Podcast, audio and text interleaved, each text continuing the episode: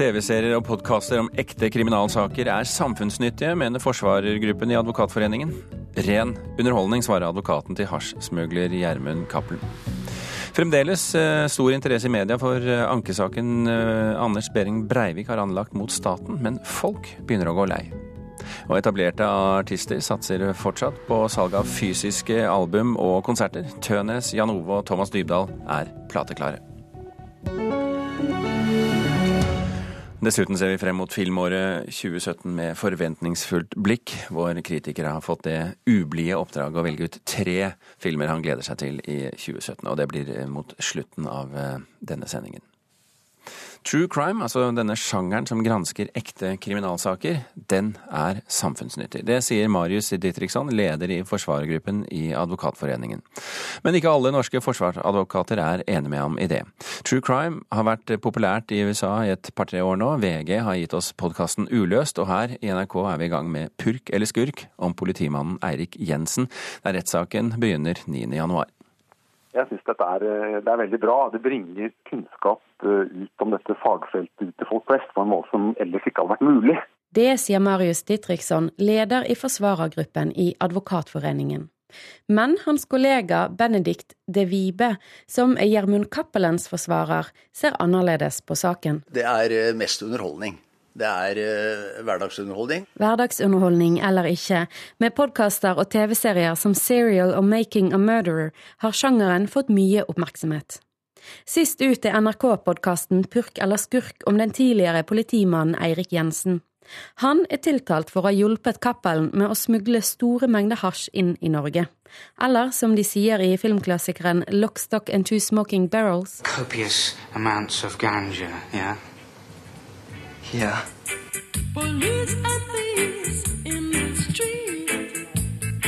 For av og til er virkeligheten som et filmmanus å regne. Men hva liker folk egentlig best, fiksjon eller virkelighet? Vi spurte folk på gaten i Oslo. Nei, Det er jo krim basert på virkelighet, da. Krim som er basert på virkeligheten. Eh, virkelighet, helt klart. Det er mye mer interessant når man vet at det er noe som kan hende i virkeligheten, syns jeg. Det er litt lettere å sette seg inn i det hvis det er basert på en sann historie. Da. Jeg tror for det aller meste at eh, for 99 av 100 så er dette ren underholdning. Ifølge forsvarsadvokat De Vibe er problemet med kriminalsaker at sannheten ofte ikke kommer frem i media. Jeg eh, følger ikke noe med på eh, krimstoff i avisene. Og det er ikke bare egne saker, men når jeg ser hvor feil mange ting er i de sakene jeg kan noe om, så regner jeg med at det er akkurat tilsvarende når det er referat fra andre typer saker. Og da er det ikke så veldig interessant uh, verken å lese eller se på. Dietrichson sier at det er viktig at folk er kritiske til det de ser og hører. Og at det uansett er bra når journalister går kriminalsaker i sømmene. Sannheten tåler et sterkt søkelys. Sannheten tåler motargumenter. Så det at man løfter frem en sak og går i dybden, selv om det kan bli for ensidig, selv om det kan bli tatt dramaturgiske valg som er uheldige, og selv om den som lager programmet søker kanskje en story og lager kanskje en litt annen linje enn hva man kanskje objektivt sett burde ha gjort, selv om det er tilfellet, så tåler sannheten et kritisk søkelys. Um, og det å få folk flest anledning til å gå i dybden på saker som har allmennhetens interesse, det at man selv får vite hva som foregår i forbindelse med etterforskning og pådømmelse, dette er bra. Du hørte til slutt her um, Marius Ditriksson, leder i forsvarergruppen i Advokatforeningen. Og det var Daniel Eriksen og Hanna Huglen Revheim som hadde laget denne saken. Tor Erling Tømterud, krimjournalist i VG og mann bak podkasten Uløst, velkommen til Kulturnytt. Takk for det. I, I, saken her så hører vi to forsvarsadvokater som er uenige om hvor samfunnsnyttig true crime-sjangeren er. Uh, hva mener du? Jeg mener i hvert fall at eh, det Nå hørte vi to, de er veldig drevne forsvarsadvokater. De kan dette her eh, til fingerspissene. ikke sant? Hva som skjer i rettssystemet. Hvordan eh, trekke folk gjennom en straffesak. Hva skjer når man blir tiltalt, dømt osv. Dette er ikke ting som folk flest kan. Rettssaker og, straffesaker i Norge har vært ganske sånn inneslutta litt sånn utenfor offentligheten. Når man da forteller dette på en måte som eh, folk begynner å, å da skjønne hva som skjer, så er det bra for rettssikkerheten. Da blir det ikke bare noe som politi og forsvarere og dommere kan, men også folk flest. Men samtidig så må du vel erkjenne at sjangeren har et stort element av underholdning, eller? Eh, ja, historiefortellinger har jo et uh, snev av underholdning. Sånn et vært, snev av underholdning, da? ja, det, det, har det vært siden vi fortalte historier rundt bålet da, vi, da mennesket oppsto. Uh, sånn at jeg kaller det ikke underholdning, jeg kaller det fengende. Å fortelle en historie fengende betyr ikke at man kan lære, ikke kan lære av det, eller at, eh, at, det er noe feil i den. Den fortelles bare på en måte som gjør at eh, man vil lytte, eller høre eller lese. Men betyr det at du utelukker muligheten for at når man forteller en historie fengende, så er, ikke, så er det ikke noe risiko for at man forteller den litt vel fengende, sånn at, sånn at den ikke blir sann lenger? Jeg tror det er stor risiko for det. Hvis du lar deg på en måte fortelle eh, så fengende at det går utover sannheten, så har du jo feila. Mm. Da er du ikke journalist lenger. Derfor er det viktig at det er journalister som lager dette, holder seg til eh, fakta, men tar dramaturgiske eh, grep som gjør at det blir eh, bedre å høre på. da. Du, du, har laget denne True Crime-podkasten Uløst for VG og, og, tatt for deg Birgitte Tengs-saken. Kan du forklare hvordan den eh, podkasten var samfunnsnyttig? Jeg, jeg, tror vi så det ganske bra på den måten at veldig mange eh, hadde lest om Birgitte Tengs i 20 år. Trodde de visste saken eh, ut og inn. Eh, så viser det seg når du setter den i sammenheng og forteller eh, egentlig hva som skjedde for 20 år siden, så er det veldig mange som får en aha-opplevelse. Var det sånn det var? var? Er det virkelig sånn politiet jobber, eller jobbet den gangen? Eh, sånn at eh, Eh, det blei veldig klart for folk at selv om det ikke var noe veldig mye nytt det kom ikke noen avsløringer der. Så fortalte man historien på en måte som gjorde at eh, oi, shit, var det sånn det var? Mm. Hvor stor er faren for, for, at man går inn og forteller en historie som, som Eh, altså, eh, hvor, hvor, stor er faren for at man begynner å forhåndsprosedere i en pågående rettssak? Det er jo da altså, noe Purk eller skurk, som NRK har nå, det er jo en podkast som tar for seg Eirik Jensen-saken før den er i retten. Er jo, det er jo enda mer krevende, vil jeg si, fordi da må man passe på den forhåndsprosederingen. Og balansere eh, for og imot, og, og finne alle mulige sider så godt det er mulig. Jeg er ikke i tvil om at NRK klarer det helt fint. Men, men, man skal være litt mer varsom når det er en, før en rettssak. Før da dommerne, og før retten, eventuelt en jury i en ankesak, kan, eh, kan, vite mer. Men betyr det også at folk som lytter på denne podkasten, eh, også må være mer kritisk? Jeg tror folk som lytter på på NRK og leser VG og aviser, bør være kritiske til alt de leser og hører. Eh, kildekritikk og stille spørsmål også ved det journalister gjør, er eh, veldig sunt. Eh, men jeg tror ikke man skal i hvert fall ja, Man får iallfall grunnlag for å vite mer om saken når man hører på podkaster. Tor Erling Tømterud, takk for at du kom til Kulturnytt.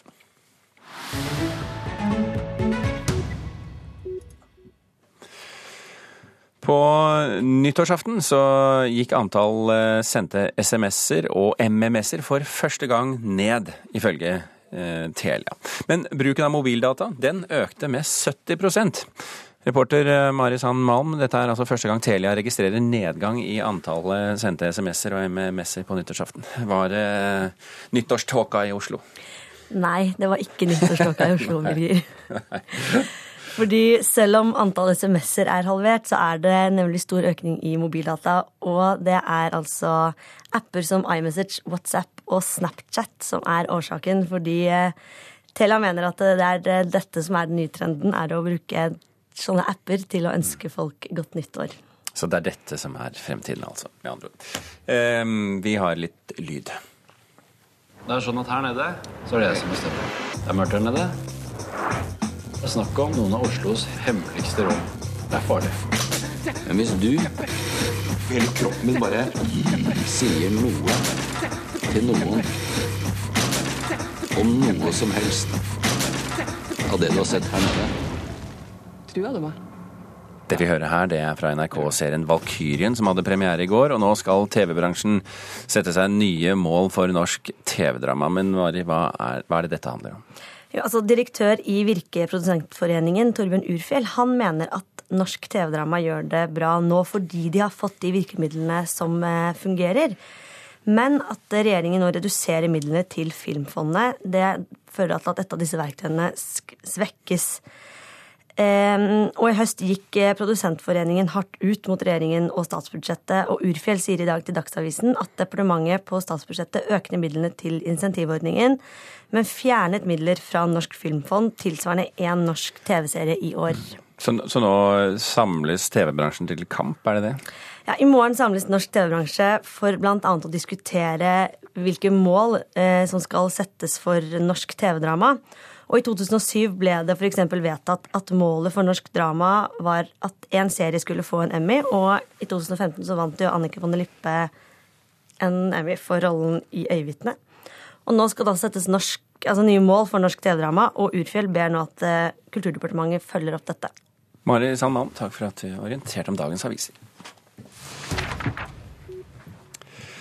Vi snakket eh, for et par minutter siden bare om folks interesse for true crime-sjangeren, og neste uke så begynner jo ankesaken Anders Behring Breivik har anlagt mot den norske stat om soningsforholdene i fengselet.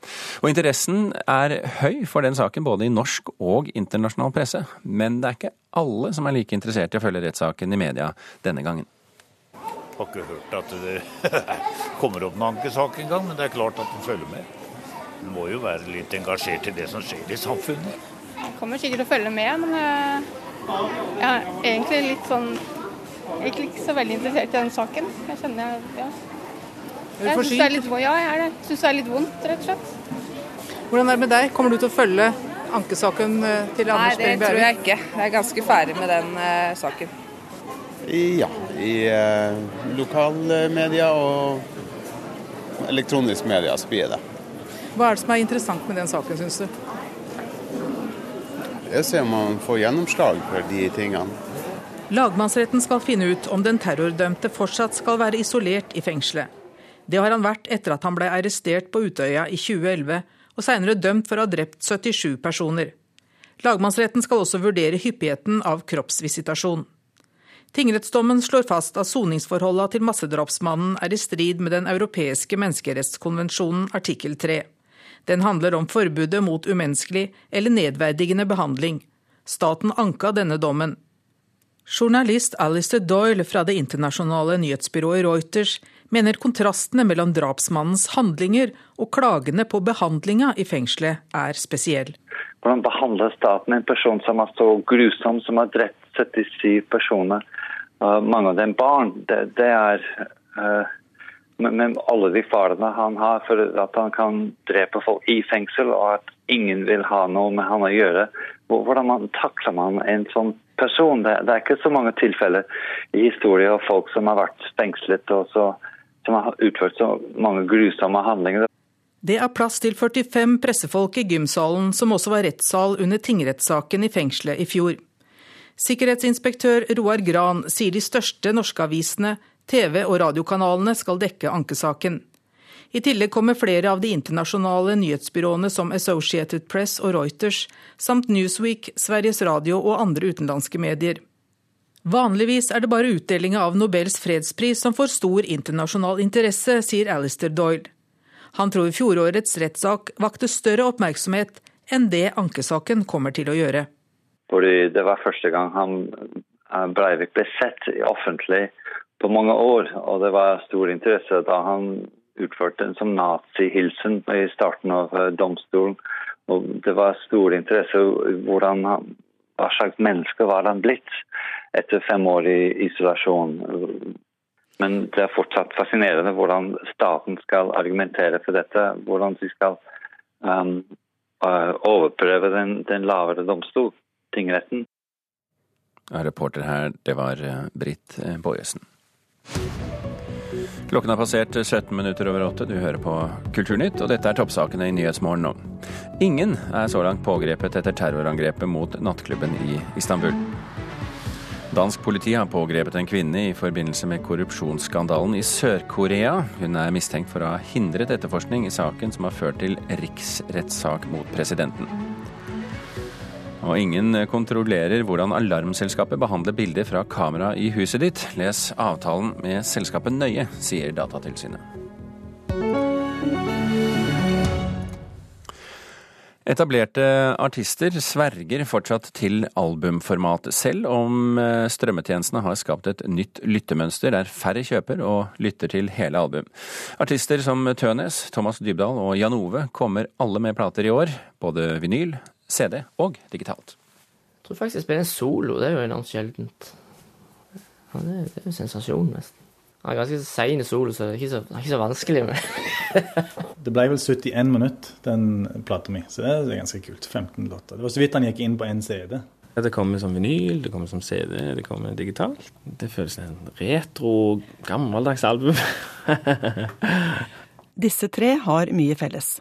De er alle musikere, de er pluss-minus 40 år, de er vel etablerte prisvinnende artister, og de kommer med nye album i år. Husker du den gamle kålen? Vi snakker om Tønes. Vi snakker om Jan Ove. Og vi snakker om Thomas Dybdahl. For selv om dette er musikken som det lyttes mest til akkurat nå,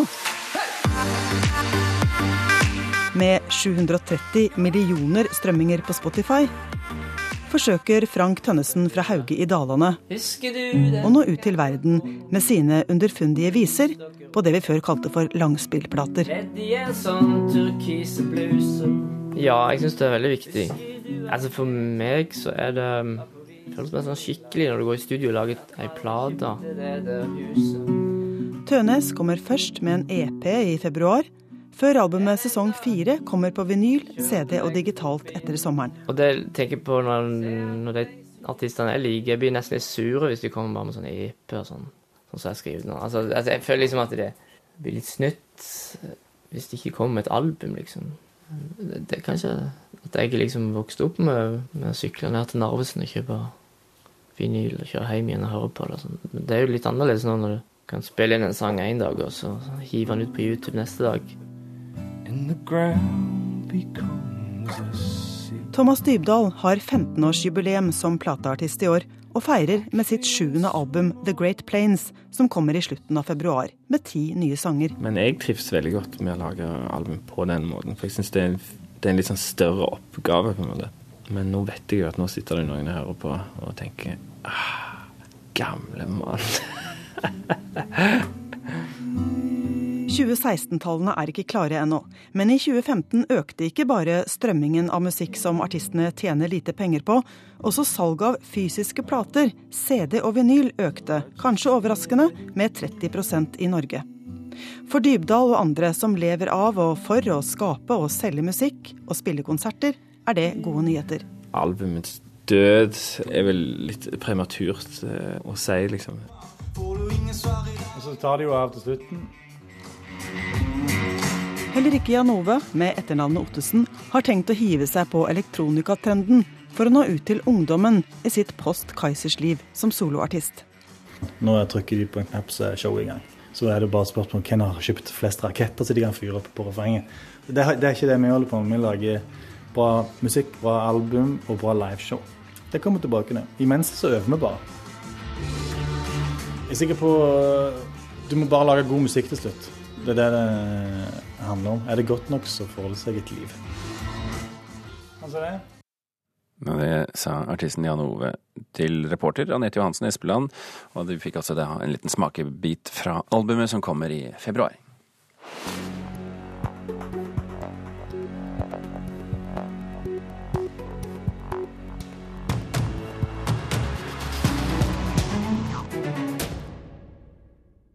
Da har vi kommet til det punktet hvor vi skal se fremover i 2017 og se hvilke filmer vi kan glede oss til. Og med oss i studio til det har vi fått vår filmekspert og filmanmelder Birger Vestmo. Velkommen, Birger. Tusen hjertelig takk. Du ser omtrent 200 filmer i året, og vi har gitt deg beskjed om å plukke ut de tre mest interessante. Så Lykke til, hadde jeg nær sagt. Det er en helt forferdelig oppgave, fordi det er så store mengder interessant film på gang i 2017 at dette har vært vanskelig. Ja, jeg skjønner det. Og du har vår sympati, men vi bryr oss ikke om det. Og så går vi på første film, og vi skal rett inn i grusomme historiske hendelser.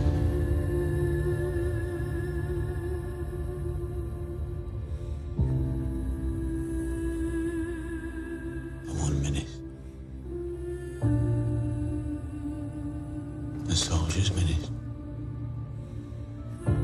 In a battle, that's all you get. Ja, det er vanskelig å se helt for seg her, Birger, men dette er altså eh, et oppspill til slaget ved Dunkerque. Eh, vi snakker andre verdenskrig. Det er helt riktig, for eh, regissør Christopher Nolan, mannen bak Batman-filmene Inception og Interstellar, har da laga, eller i ferd med å lage, en storslått krigsfilm basert på hendelsene der i 1940. Der da soldater fra Belgia, Storbritannia, Canada og Frankrike ble omringa av tyske styrker og måtte evakueres da i en spektakulær operasjon, som jeg antar at filmen Dunkerque vil handle om. for akkurat hva den handler om, det er litt hemmelig enn så langt. Mm. Og Hvorfor det, har du plukket akkurat Christopher Nolan? Fordi han er jo en av vår tids store filmskapere. Filmene hans eh, blir eh, utsatt for stor interesse, og en annen ting som er spesielt med Dunkerque, er at den filmes da i 70 mm-formatet.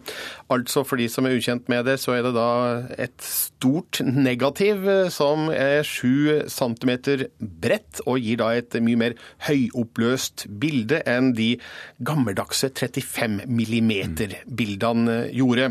Og, og det er i hvert fall ikke digitalt? Det er i hvert hvert fall ikke digitalt. Dette er analogt, og um, vi kan jo bare håpe at Dunkerque vil bli vist i 70 mm um, på Filmens hus i Oslo, slik som Quentin Tarantinos The Hateful Eight ble på starten av 2016. La oss gå til noe vesentlig lystigere, og kanskje til og med litt koselig.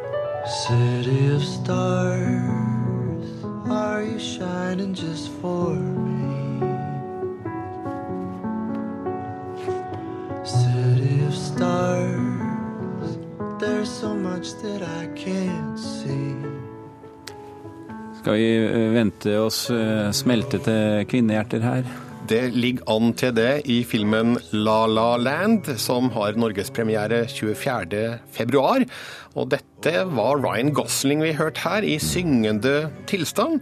For eh, det regissør Damien Chazelle har gjort her, er å lage et eh, romantisk eh, drama som har store innlegg av musikalsjangeren. Ja. Og det er en sjanger som jeg har et stort hjerte for. Ja, hvorfor har du det? Fordi det tar oss vekk. Det er jo rart. Det er vel, det er eskapisme, og det er humor, av og til ufrivillig. men det er hyggelig, koselig, eh, oppløftende. Eh, og er det noe vi trenger nå fremover, så tror jeg det er litt oppløftende film med godt humør. Og det kan virke som at La La Land har det.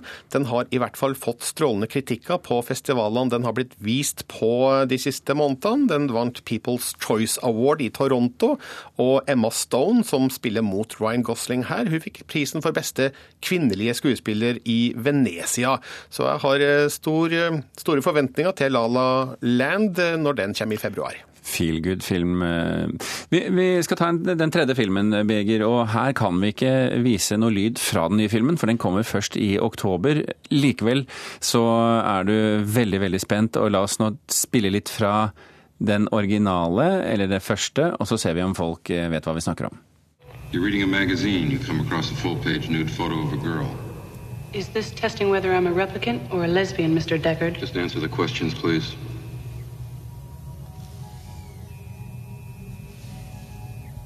You show it to your husband. He likes it so much he hangs it on your bedroom wall. I wouldn't let him. Why not? I should be enough for him. I Should Be Enough For Him. Man kunne jo kanskje tro også at Blade Runner, den første og originale, skulle være nok, men sannelig, her kommer det en til. Det gjør det. Den heter Blade Runner 2049 og har da premiere 6. oktober. Og grunnen til at det er den filmen jeg gleder meg mest til, er jo fordi jeg syns Ridley Scotts original er en av tidenes beste filmer. I hvert fall i science fiction-sjangeren. Og nå når han er tilbake igjen som produsent og manusforfatter, så har jeg stor tiltro til at vi kan få en oppfølger som er verdig å nevnes i samme åndedrag som den første, spesielt når Harrison Ford, som vi hørte i lydklippet her, gjentar sin rolle som Rick Deckard fra den første filmen. Men 2049, er vi, hvor er vi da i, i Blade Runner-universet noen år etter, da, kanskje? Ja, altså den første filmen foregikk i 2019, så her er vi da 30 år etter. og Akkurat hva filmen skal handle om er helt ukjent, men vi antar at vi får vite hva som har skjedd med Rick Deckard. og eh, Vi får også et par nye bekjentskaper. Eh, Jared Leto spiller i filmen. Det gjør også Ryan Gosling, med her også. Mm. Eh, så vi får bare smøre oss med litt tålmodighet da, for å finne ut hva dette skal handle om. Men det som er mest interessant her, er at regien er ved Dennis Villeneuve, som laga en av 2016s beste filmer, nemlig 'Arrival', som også var en science fiction-film. Så um, her ligger mye til rette altså for at Blade Runner 2049 skal bli um, en av årets uh, mest interessante filmer. Så da har du pekt fremover mot 2017, Birger Vestmo, ved tre av de 200 filmene du kommer til å se i løpet av året. De hører vel mer fra deg opp etter og underveis, tenker jeg. Takk for at du kom til Kulturnytt. Tusen takk. Ja, Det var altså 2017, men hvis vi kikker litt tilbake også, så har 2016 blitt et historisk filmår for Hollywood. Aldri før har de tjent så mye penger på å selge kinobilletter til hjemmepublikummet som i fjor. Nærmere 100 milliarder kroner, altså 11,4 milliarder dollar, er det markedet på nå. Kulturnytt er slutt. Thomas Alvarstein Ove har vært produsent, Birger Kåser Aasen har vært i studio. Vi takker for følget.